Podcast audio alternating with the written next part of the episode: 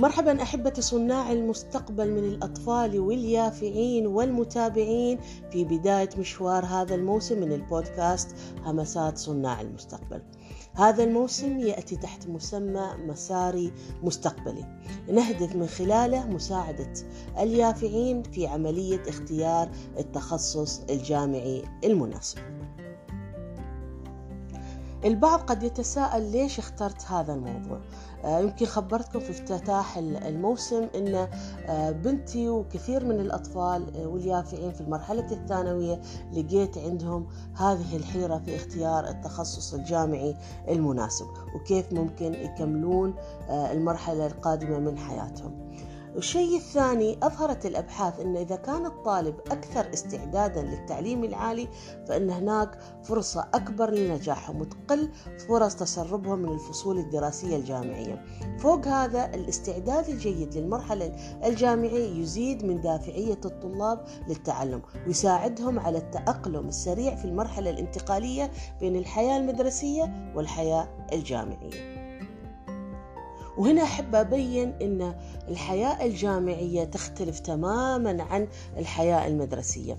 الطالب في الحياة المدرسية اعتاد على حصص وجدول منظم وروتين معين. أما في الحياة الجامعية فالطالب يتطلب أنه يكون عنده بعض المهارات اللي يتمكنه من الاندماج الصحيح في الجامعات والكليات وأنه يعتمد على ذاته.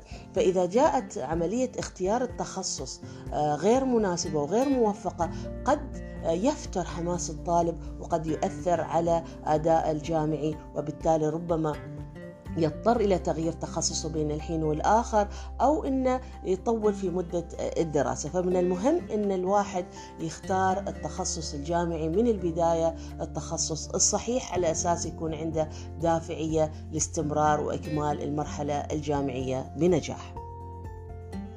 وإن شاء الله من خلال هذا الموسم وعلى مدار الحلقات القادمة راح أحاول أطرح مجموعة من الموضوعات والمحاور اللي من شأنها أنها تساعد آه، اليافعين على اكتشاف تفضيلاتهم فيما يتعلق بمجال الدراسة وأيضا التعرف على المعايير اللي المفروض أن الواحد ياخذها عند اختيار الجامعات وكيف يعمل مقارنة بين البرامج الدراسية المختلفة وأيضا أنه يفهم توجهات آه، سوق العمل ومتطلبات حياته على أساس أنه يقدر يوفق ما بين آه، شغفه وطموحاته وبين أنه يحصل بعدين آه، فرص عمل مناسبة في مجال التخصص اللي درسه. وراح أحاول إن شاء الله أيضا خلال حلقات هذا الموسم أيضا أني أتطرق إلى بعض المهارات الحياتية اللي قد تساعد اليافع في الاندماج الجيد في المرحلة الجامعية. هناك مهارات إدارية تتعلق في إدارة عملية التحصيل العلمي وهناك مهارات مالية قد يحتاجها خاصة إذا كان طالب مبتعث كيف يدير مصروفاته وكيف يدير ميزانيته. وأيضا هناك مهارات آه، قد يحتاجها الطالب الجامعي لإدارة حياته الاجتماعية وعلاقاته مع زملائه والجو الجامعي آه، الجديد بحيث أنه يقدر يوفق ما بين أنه يستمتع بحياته آه، الاجتماعية ولكن دون أن يؤثر ذلك على تحصيله الجامعي. ومثل ما تعرفون إن فكرة هذا البودكاست تقوم أيضا على الدمج بين أسلوب التدريب اللي أنا من خلاله راح أقدم لكم آه، خلاصة آه، التجارب والخبرات اللي عندي آه، هذا هو فكرة التدريب. ولكن أيضا راح ندمج في أسلوب ال coaching من خلال طرح أسئلة ال coaching الأسئلة اللي تتطلب من المتابع انه يفكر فيها وبينه وبين نفسه ويكون صادق مع نفسه في الإجابة على هذه الأسئلة حتى يكتشف شغفه ويعرف يوصل إلى اختيار التخصص الجامعي المناسب. وأحب هنا الحين أختم حلقتنا اليوم الحلقة الأولى من هذا الموسم بسؤال الكوتشنج المهم وهذا السؤال يعتبر بمثابة حجر الزاوية اللي راح ننطلق من خلاله في آه، بقية الحلقات القادمة على أساس أن نعرف كيف نختار التخصص الجامعي المناسب.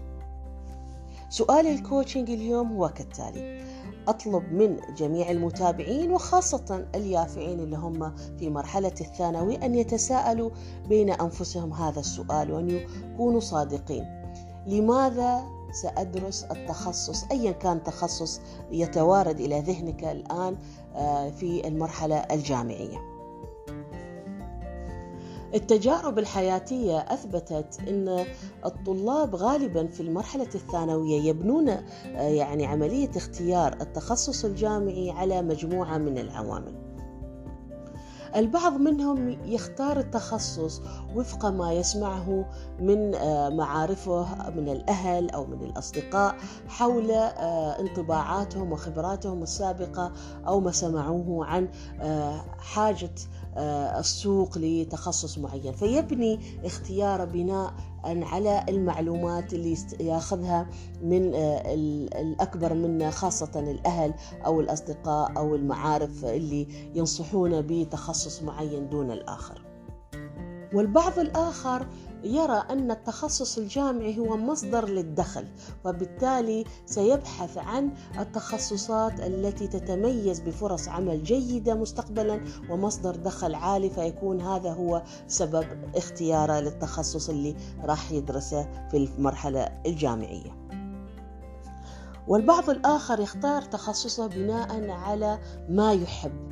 وما يمتلكه من مهارات وتقنيات يجيدها ولكن يريد أن ينمي خبراته فيها.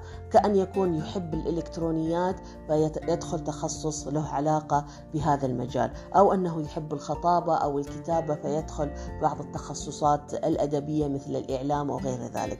فالشغف وما يحب هو الموجه الرئيسي في اختياراته. إذا أحبتي صناع المستقبل من الأطفال واليافعين والمتابعين أذكركم بسؤال الكوتشنج لهذه الحلقة.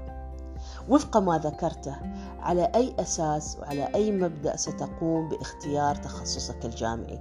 فكر جيدا وسنرى ما هو الأسلوب الأفضل في الحلقات القادمة.